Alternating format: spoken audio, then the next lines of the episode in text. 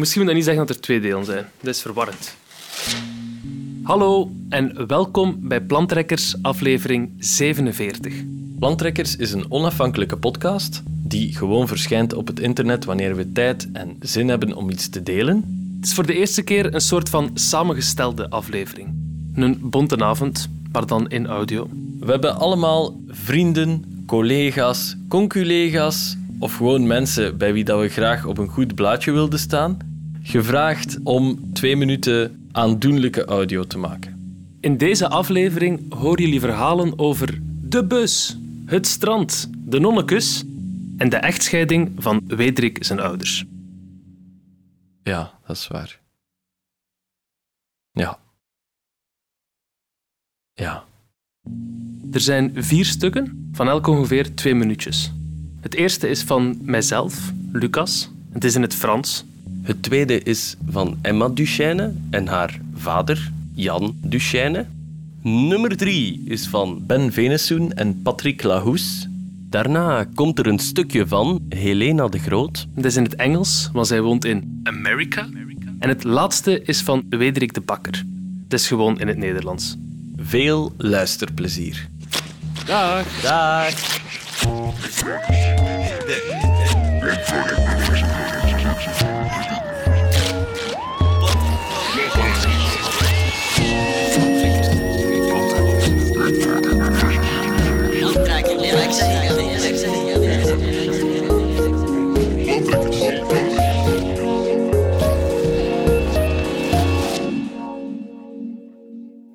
Je me souviens l'histoire d'un monastère en France à la fin du 7e siècle. Le monastère était seulement connecté avec le monde extérieur par une longue couloir. Et à la fin de ce couloir, il y avait deux doubles portes. Donc une porte à la côté du monastère et une double porte à côté du monde extérieur. Et c'était dans ce pièce, donc entre les deux portes, que les sœurs laissent des artisanats et après les marchands viennent et vendre ces trucs au marché. Et après les marchands reviennent et laissent du farine et du sel dans ce pièce entre ces deux portes.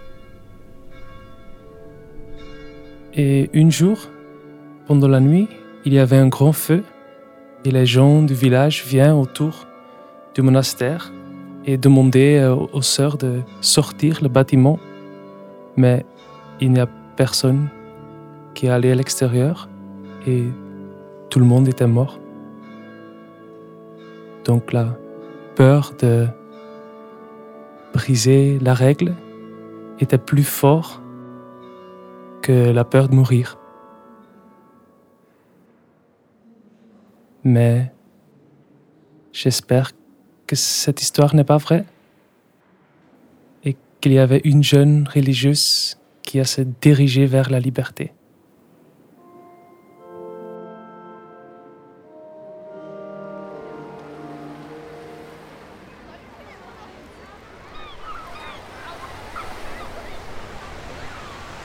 Ik herinner me nog goed, in de jaren 70, ik was 78, 79 geweest, toen, ik was 8 jaar geweest, me er eigenlijk constant. Dat was mijn broer Mark en mijn twee cousins Philippe en Michel. We maakten kettenpisten op tartzand, van die kleine coureurtjes.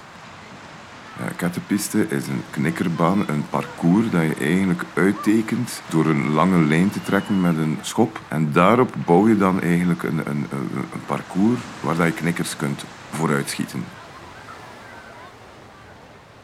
Ja. En niet te hard drukken en ze best opzij zetten, dan kunnen de anderen voorbij. Niet te hard. Ja, want daardoor ben ik juist tegen Vitaal gepopt. Oké, wil je opnieuw? Doe maar eens opnieuw. Vitaal je- en Titus mogen opnieuw. Oké, Vitaal en Titus mogen opnieuw. Ik heb ook, Titus, nee, doe het niet goed. ik heb ook net geklapt Maar je moet je er mooi achter Titus, je zetten. moet, je moet hier, Je moet je mooi erachter je zetten. moet, je moet van hier komen. Boris, ga eens weg. En... Nee, Nee, Titus, zo gaat dat niet. Nee. Je moet echt goed je vinger erachter... Nee, nee, zo. Zo met die, zo, zo. Zo of zo. Kijk, je duim, je duim tegen elkaar. Dat was eigenlijk het wat dat me geleerd had van Fernand. Was een oude vent met een roste boord. En nu zag spelen, dan worden aan het voetballen of zo, was zitten. Ze willen er niet een kattenpiste maken. Wat is dat toch een kattenpiste? En, en is dat toch getoogd? En met bochten en al. Fernand was ook specialist in die bochten. Lekker van die uh, zesdaagse wielerpistes, waar je toch je ketten kost opschieten en dat een vrij ver deur schoot. Je had ook een speciale techniek met een handdoek dat te veel staat met zand. En, en als je met die handdoek toen op dat zand uh, drukte, waar je, waar je begonnen vlak hield, doordat je ketten vrij, vrij goed deuren rolden. Dat, van ja, ik zou dat wel gaan doen met mijn, met mijn kinders. Dus ik heb dat geprobeerd met mijn dochter, maar ze maakte liever uh, van die uh, blommen en uh, krippenpapieren met een winkeltje. En nu ja, ik heb een tweeling, dat zijn twee jongens, Titus en Boris. En dacht ik van, hem ze dat toch moeten kunnen doen, die, die nog een keer maken en zo. Maar we hebben geen coureurs. En ik zit toch gaan zoeken van die winkels uh, en, op internet. En het zijn allemaal van die coureurtjes die ik weet niet hoe schoon achtergemaakt zijn. De jaren 70, maar dat is wel 20 euro voor, voor twee coureurtjes. Dus dat ging me niet doen. Je moet er toch rap 10 en toen zit je aan 200 euro. Mijn broer had er dus gevonden, op de rommelmarkt, een hele zak gevonden met coureurtjes uit de jaren 70. En uh, van die jaar hebben we dat eindelijk opnieuw kunnen doen. Vanaf 25 juli, warmste dag ooit een, een uh, legendarisch, legendarische uh, wielerbaan gemaakt. En dan zo voilà. is er toch eindwien tegen gewoon tegen het verdwijnen van deze zeer mooie traditie. Een kattenpiste op strang. En dat is mijn broer. En ik zie hem daar wel dankbaar voor.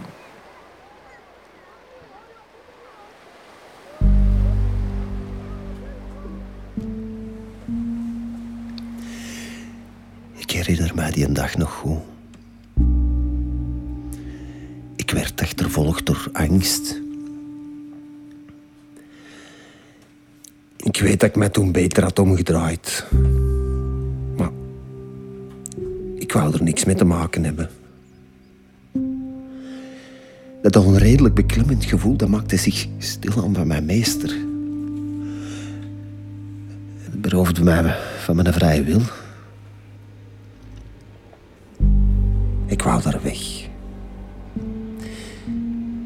Ik vluchtte.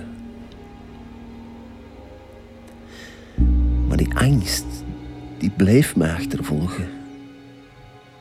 Waar dat ik ook ging, ze was altijd daar.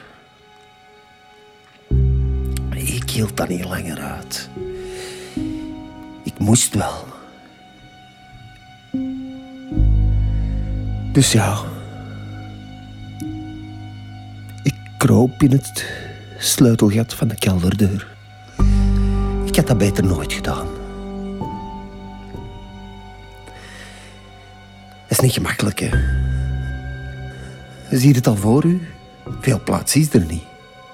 Met mijn knieën hoog opgetrokken, mijn kin tegen de borst gedrukt. En dan die koude contraveer, die pijnlijk in mijn onderrug duwde. Ik kon amper nog bewegen. Ademen, dat ging allemaal moeilijker. Ik kon geen kant niet meer op. Ik had het gevoel dat ik ging stikken. Ach ja, ik wil het er eigenlijk liever niet over hebben. Want sinds dat incident met je sleutel, doet dat nog altijd pijn als ik ga zitten. Ik hoop I remember someone runs up to the bus and just starts screaming at you, Get off my bus, get off my bus! And get on these yellow footprints. And they're yellow footprints painted on the ground. That's the beginning of them stripping away your individual identity. I remember getting issued a pair of boots that didn't fit and a pair of pants that didn't fit. The pants were too big, the, the boots were too big, and I couldn't do anything about it. I couldn't go, hey, I'd like to exchange these. You know, I began to say, these don't fit, and the drill instructor just screamed at me to move on. And I, I remember folding up newspapers, trying to create a little bit of squeeze on my toes so that I could run in these clown boots. This is how life is for the next three months. It's a life without decisions, so that you just you don't know yourself anymore in a way. What do we hope for? What do I hope for? You know, what I hoped for in that moment. It's such a hard thing, right? Because when I think of the military, I don't have very much hope. It, it is an institution that is mission driven procedures. I mean, it's a system for fighting wars. I think. Uh, Ik herinner mij nog dat we in de auto zaten. Mijn ma was aan het rijden. Mijn pa zat rechts daarnaast. Sla rechtsaf naar de Kapellenstraat. En op de achterbank in het midden zat ik. Sla rechtsaf. Ik was 19, denk ik.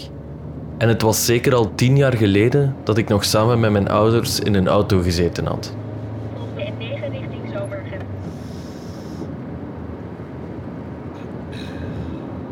Toen mijn vader en mijn moeder uit elkaar gingen, bleef wel een groot deel van zijn gerief nog bij ons op zolder staan. Boeken, een paar kostuums, schilderijen van toen hij nog aan de kunstschool zat, plaasteren afgietsels van fallusachtige objecten. Maar het huis waarin we woonden werd platgegooid en de zolder moest worden leeggemaakt. Maar mijn vader had geen rijbewijs. Dus de enige mensen die zo zot waren om op vrijdagavond een hoop beelden op te halen in een bijna vervallen hoeve op de boerenbuiten, waren mijn moeder en ik. En mijn vader. Mijn moeder had op voorhand gezegd: Ik wil dat gerust doen, maar daarvoor moet dat nog niet plezant zijn.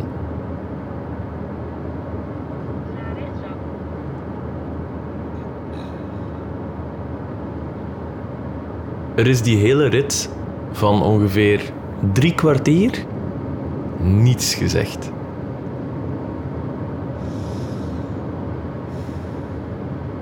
En het leukste is, ik heb daar opnames van. Dus geniet mee van een kort fragment van de stilste autorit die ik ooit meegemaakt heb.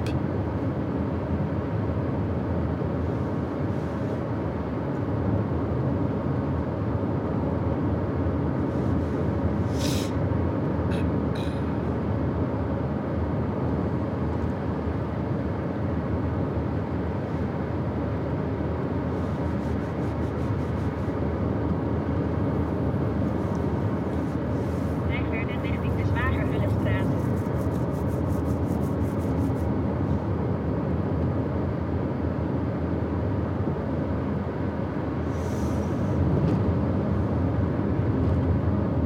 Dit is ondraaglijk.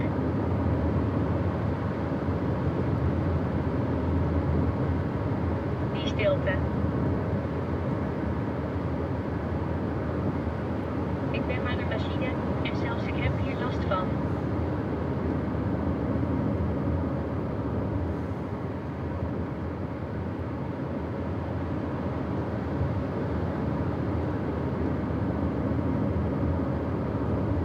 Kan iemand de radio aanzetten?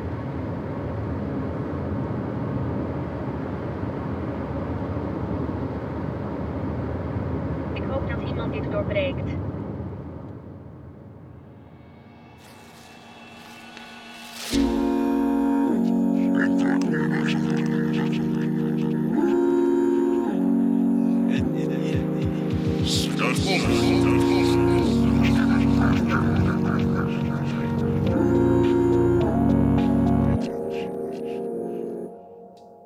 Plantrekkers maakt deel uit van het podcastgezelschap Luister.